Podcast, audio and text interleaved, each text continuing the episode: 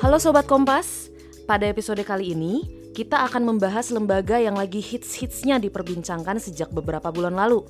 Lembaga yang sudah berdiri sejak 2002 ini lagi nggak henti-hentinya dirundung kontroversi.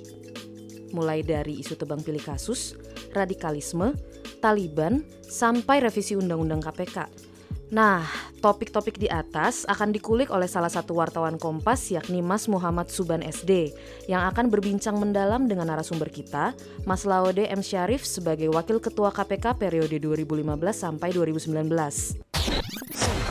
Iya, saya sebenarnya um, sebelum saya di KPK, saya dosen S1 di Universitas Hasanuddin dengan jurusan Hukum Internasional uh, yang mengambil kekhususan Hukum Lingkungan Internasional. Um, master saya di Queensland University of Technology juga untuk bidang International Environmental Law yang kita lihat sekarang justru adalah rakyat tetap menggebu-gebu untuk mendukung KPK. Saya berharap sih selalu didukung, tapi kenyataannya memang dukungannya itu selalu naik turun. Naik turun. KPK harus berterima kasih kepada kearifan dan visi besar dari Ibu Megawati waktu itu karena KPK itu didirikan pada, pada saat beliau uh, menjadi presiden. presiden. Nah, jadi kan 2002 undang-undangnya dan uh, mulai beroperasi itu tahun 2003. Jadi sebagaimana pada tahun dibuatnya itu pada saat beliau juga lah undang-undang KPK dipretelit seperti sekarang dan bahkan kewenangannya banyak yang dikurangi. Nah, memang banyak sekali eksekutif dan legislatif yang disasar KPK. Tapi itu kan memang KPK menjalankan memang fungsinya oleh undang-undang eh, mengatakan bahwa kami harus melakukan penyelidikan penyidikan penuntutan itu kepada Nah, kalau kita lihat tadi sejak didirikan 17 tahun silam, kita tadi kan mulai bupati, gubernur banyak yang kena itu kan Betul. di daerah-daerah itu. Sudah ratusan kena itu kan. Mm -hmm. Dari berbagai level sebetulnya.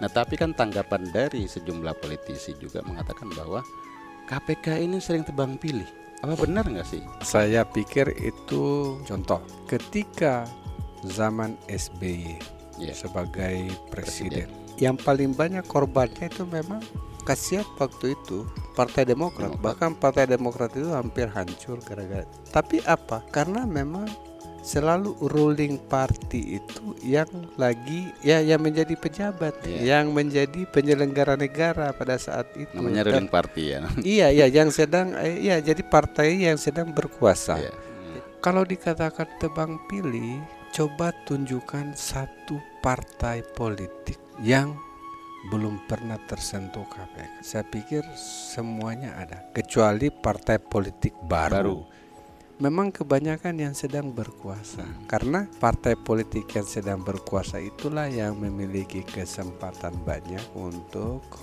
melakukan penyelewengan kekuasaan. Jadi istilah tebang pilih itu berarti itu narasi yang dibangun sebenarnya untuk menghajar KPK. Iya, saya pikir itu dibangun sedemikian rupa dan itu kan isunya bukan sekarang yeah. saja itu. Selalu itu. Eh, eh selalu yeah. itu Uh, tetapi bagi yang korban dia mengatakan itu pada saat yang sama di zamannya Pak SBY uh, itu juga dianggap itu bahwa kita bisa lihat memang kan ada Angelina Sondak, ya. ada Alfian Malarang, tetapi pasti lebih dominan partai politik yang sedang berkuasa. Berkuasa itu ya. Karena memang di situ kan penyalahgunaan kewenangan yeah. paling banyak itu kan uh, korupsi itu selalu katanya Lord Acton itu power tends to corrupt.